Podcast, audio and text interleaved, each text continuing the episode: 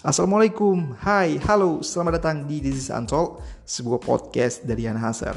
Materi-materi yang ada di podcast ini merupakan materi-materi yang berkaitan dengan self-development, self-improvement, how to build business from scratch, self-awareness, dan juga pesan-pesan kegagalan yang dirangkai menjadi kalimat-kalimat motivational yang berasal dari pengalaman Yen Hazer dan juga sejumlah teman-teman yang nanti juga akan kita angkat kisahnya di podcast ini. Jadi di mana pun kamu berada saat ini, please enjoy This is Untold.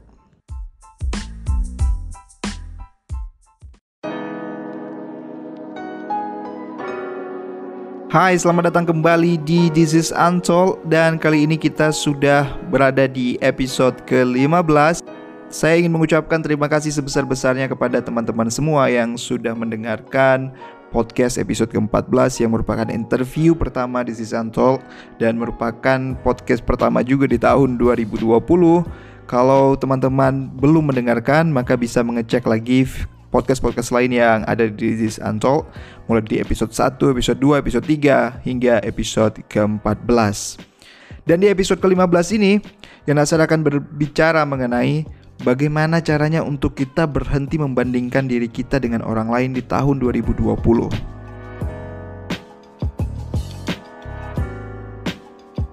Ya, membanding-bandingkan diri dengan orang lain rasa-rasanya sudah menjadi suatu kebiasaan yang lumrah untuk kita lakukan.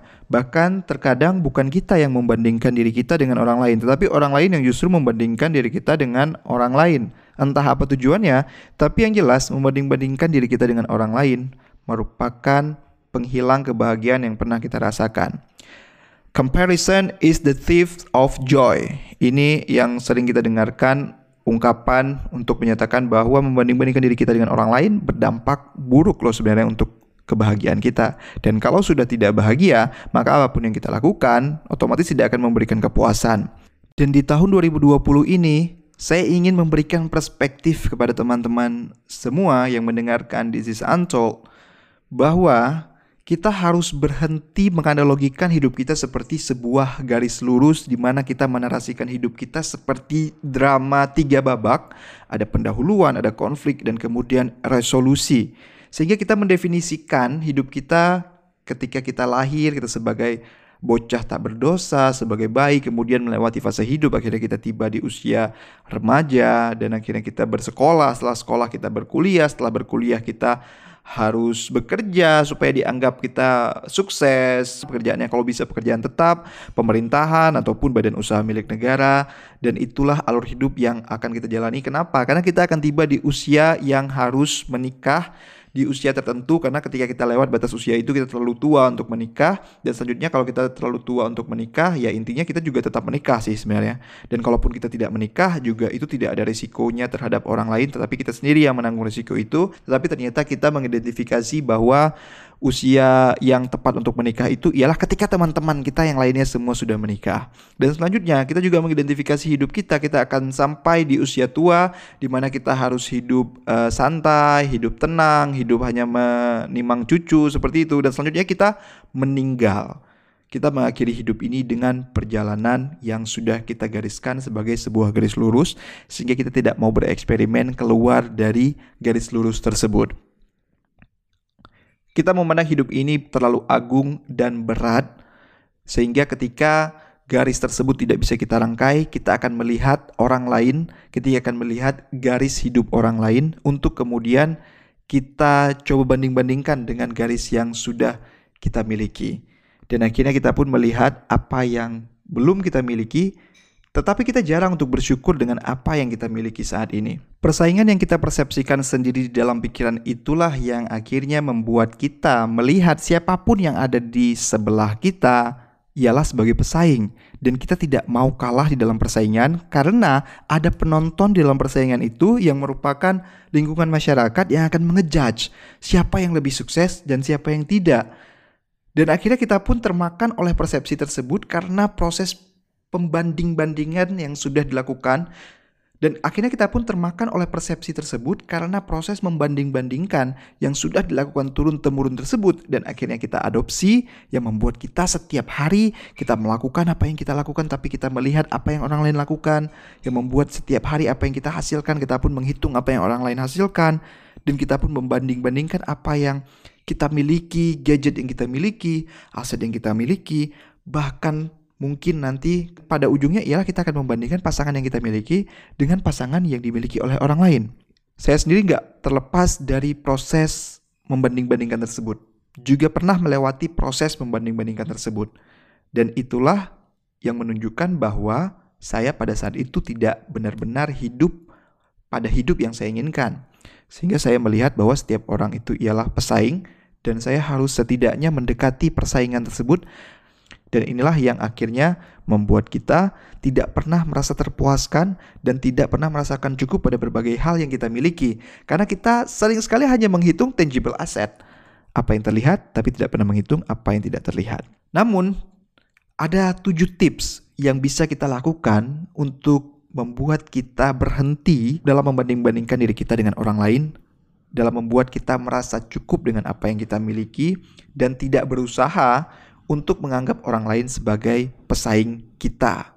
Namun sebelum Yan Hasser menyampaikan 7 tips ini, ada baiknya teman-teman untuk mencatat tips ini agar bisa segera diaplikasikan. Mungkin kalaupun tidak bisa diaplikasikan langsung setelah mendengar podcast, bisa dua hari ke depan, tiga hari ke depan, tapi yang jelas tips ini ialah tips yang sangat praktikal sekali. Kalau sudah siap, maka kita akan mulai dari tips yang pertama. Tips yang pertama ialah pahami bahwa hidup ini ialah hidup Anda sendiri. Tetapi untuk bisa sampai pada pemahaman bahwa hidup ini ialah hidup kita sendiri, kita akan berada pada proses bagaimana kalimat tersebut kita transformasikan ke dalam alam bawah sadar kita. Dalam artian ialah pemahaman tersebut benar-benar termanifestasikan dalam cara kita berpikir. Dan inilah kenapa keinginan untuk berubah tersebut harus benar-benar kita miliki. Karena kalau keinginan tersebut tidak kita miliki, maka kita tidak akan pernah bisa merasakan bahwa hidup ini ialah hidup kita sendiri. Cara untuk merubahnya ialah kita harus mulai terbiasa untuk membuat standar ataupun ukuran dan rencana terhadap apa yang kita jalani saat ini. Misalnya, kamu saat ini merupakan seorang pekerja kantoran tetapi ingin memiliki usaha yang bisa kamu kelola dalam waktu lima tahun. Tetapi ketika kamu melihat orang lain, teman-temanmu yang saat ini juga sebagai pekerja, dan dia sudah memiliki bisnis yang beromset ratusan juta, tidak butuh waktu lima tahun untuk menjalaninya, dan kamu membandingkan dengan apa yang kamu rencanakan ataupun apa yang kamu lakukan, dan akhirnya kamu merasa tidak puas, sebenarnya kita hanya menilai itu dari tangible aspek dari apa yang terlihat. Apa yang terlihat dari sini ialah mungkin dari mobil yang dia miliki dan kemudian dari cerita yang dia ceritakan kepada kita bahwa ini merupakan hasil dari bisnisnya. Padahal ini hanyalah faktor tangible asset. Karena kita tidak tahu ada berapa orang yang membantu pekerjaan yang di sana, berapa modal yang dikeluarkan untuk akhirnya ia memiliki penghasilan tertentu, ataupun berapa banyak pengorbanan yang sudah dia lakukan sebelum dia benar-benar memiliki bisnis yang established. Dan jangan pernah terprovokasi oleh tangible asset ataupun apa yang terlihat.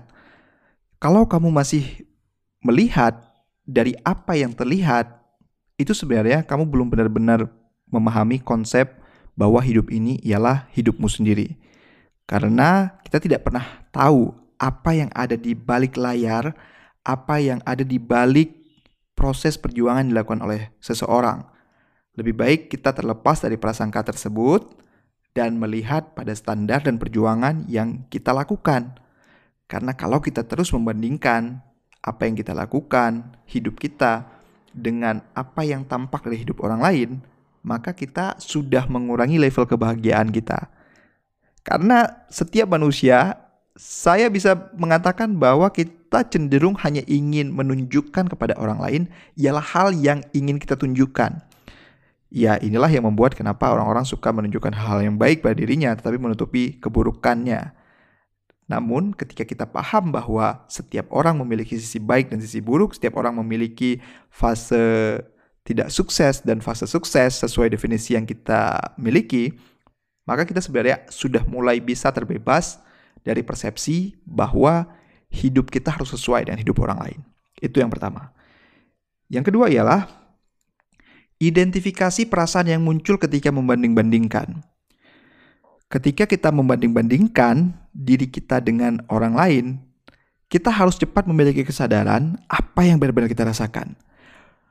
Kalaupun ini tidak bisa kita identifikasi secara langsung, maka kalau kamu sudah berniat untuk berhenti membanding-bandingkan diri dengan orang lain, maka saat ini cobalah tuliskan satu persatu perasaan yang muncul ketika misalnya kamu membandingkan benda yang kamu miliki dengan teman-temanmu, membandingkan gaji yang kamu miliki dengan sahabatmu, dan kemudian catat juga perasaan yang kamu rasakan setelah membanding-bandingkan itu apakah kamu menjadi semakin termotivasi atau justru juga tetap termotivasi tapi motivasinya ialah untuk menjadi pemenang di dalam persaingan tersebut. Jadi kalau seandainya kamu bercerita kepada temanmu bahwa kamu memiliki handphone iPhone 10 dan ternyata temanmu memiliki iPhone 11 dan akhirnya ada keinginan untuk dianggap lebih baik dengan cara untuk memiliki handphone di atas handphone iPhone 11.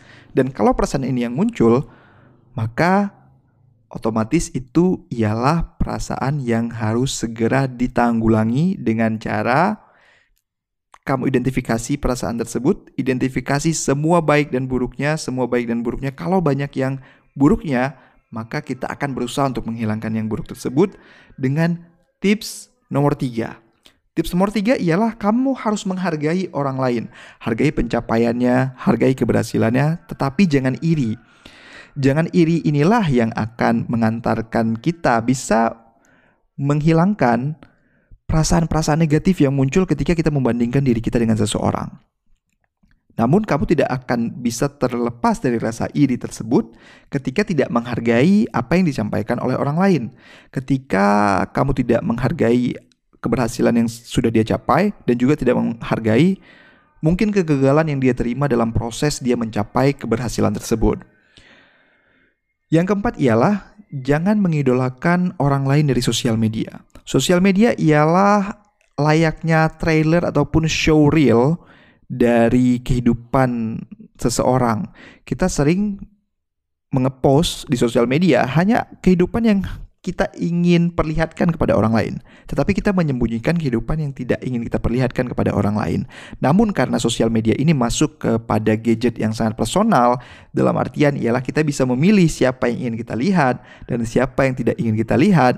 Dan kalau kita melihat hanya orang-orang yang kita anggap memiliki hidup luar biasa di atas standar, luar biasa di atas rata-rata, ya memang Elon Musk, Jeff Bezos, Mungkin Bill Gates memiliki hidup di atas rata-rata, tetapi percayalah, mayoritas manusia ini hidupnya normal. Dalam artian ada fase mereka bokeh, ada fase mereka jelek, ada fase mereka juga tidak sekeren itu, dan juga ada fase mereka mungkin nggak ke mana-mana, tetapi seolah-olah menunjukkan bahwa di Instagramnya mereka selalu berada di berbagai tempat yang berbeda. Untuk apa? Ya untuk apa lagi kalau bukan untuk menunjukkan sisi baik dari dirinya dan menutupi sisi kekurangannya. Dan dan ketika kamu mengidolakan seseorang hanya dari sosial medianya, maka inilah jebakan kebahagiaan yang akan membuat kamu tidak terlepas dari proses membanding-bandingkan dirimu dengan orang yang kamu lihat di sosial media tersebut. Jadi, jangan pernah mengidolakan orang lain hanya dari sosial medianya. Yang kelima, berusaha meningkatkan kemampuan diri. Ketika kamu merasa mungkin pencapaian yang kamu alami di tahun lalu tidak benar-benar signifikan atau tidak sesuai dengan harapan yang kamu inginkan, maka di tahun ini kita masih memiliki kesempatan untuk meningkatkan kemampuan kita melalui kursus, melalui berbagai kegiatan lainnya dalam tujuan dengan tu yang tentu saja tujuannya ialah untuk bisa mendekati pencapaian ideal yang kita inginkan. Nah, setelah Anda berusaha untuk meningkatkan kemampuan dengan kursus, dengan mentoring, selanjutnya ambillah resiko. Karena dengan mengambil resiko, maka itu artinya kita sudah berusaha untuk mempraktekkan apa yang sudah kita pelajari untuk semakin dekat dengan pencapaian yang kita inginkan. Tetapi selalu ukur pencapaiannya dengan standar yang sudah kita tetapkan sendiri tanpa perlu untuk melihat apa yang sudah dilakukan oleh orang lain. Di dalam proses mengambil risiko inilah kamu harus menjadi pelatih bagi dirimu sendiri. Karena tadi kita sudah berusaha untuk meningkatkan kemampuan, mengambil risiko untuk mengaplikasikan kemampuan tersebut, dan akhirnya kita harus mengukur diri kita dengan standar yang kita miliki. Tidak ada salahnya kalau ingin meng-hire mentor, atau orang yang kamu anggap bisa menuntun langkahmu supaya lebih terarah, itu juga bisa dilakukan. Tetapi sekali lagi, kamulah yang tahu ke mana standar yang kamu tetapkan, kamulah yang tahu apa yang paling membawa dirimu pada kepuasan. Dan selanjutnya, yang terakhir, catat progres yang sudah kamu lakukan. Ini penting untuk mengetahui sudah ada di titik mana kamu. Ini penting untuk mengetahui apa lagi yang harus kita tingkatkan, apa yang harus kita kurangi, apa yang harus kita pelajari, atau apa yang harus tidak kita pelajari lagi. Kenapa mencatat progres ini penting? Karena kita bisa mengatur kecepatan yang ingin kita tempuh. Dalam artian ialah tidak semua orang memiliki cara yang sama untuk bisa belajar maraton.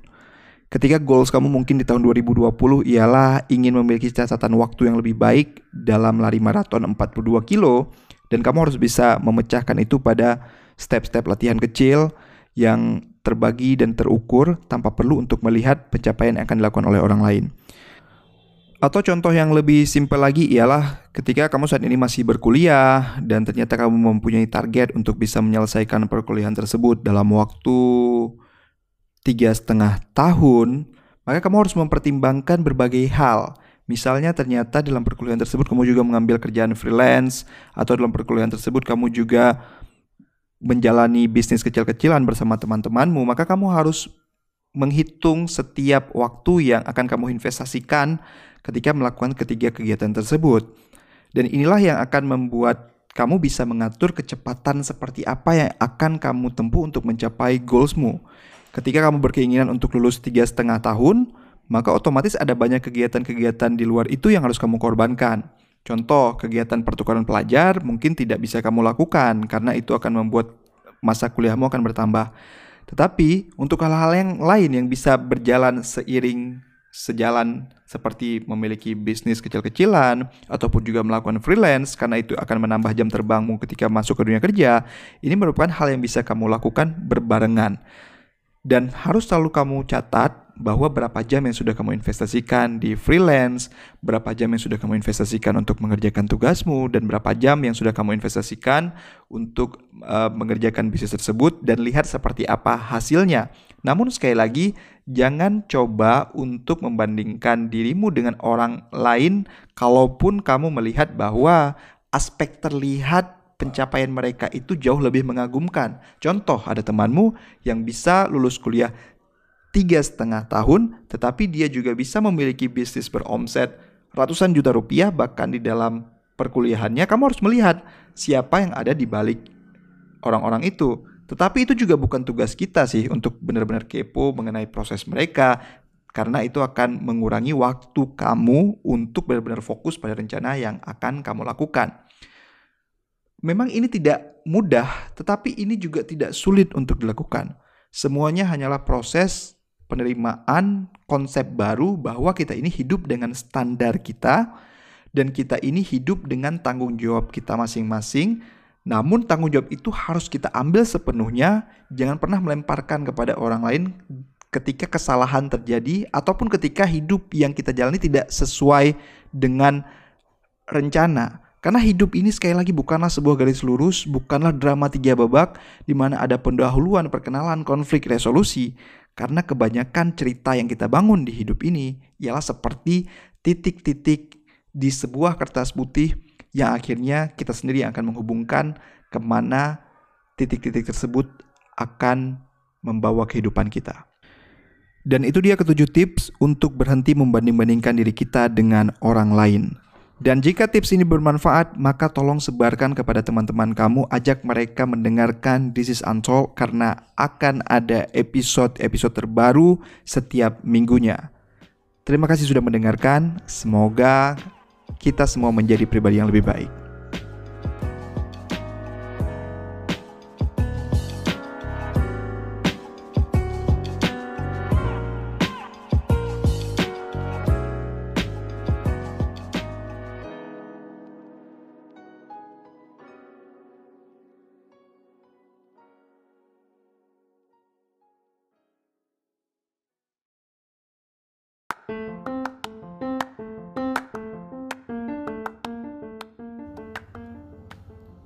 Terima kasih sudah mendengarkan episode podcast kali ini dan jika kalian mendapatkan manfaat dari podcast-podcast This is Untalk, tolong sebarkan ke teman-teman kalian, ajak mereka juga mendengarkan This is Untalk karena akan lebih baik jika energi positif yang kalian dapatkan juga kalian tularkan ke sekeliling kalian. Sampai bertemu di episode selanjutnya di This is Untalk.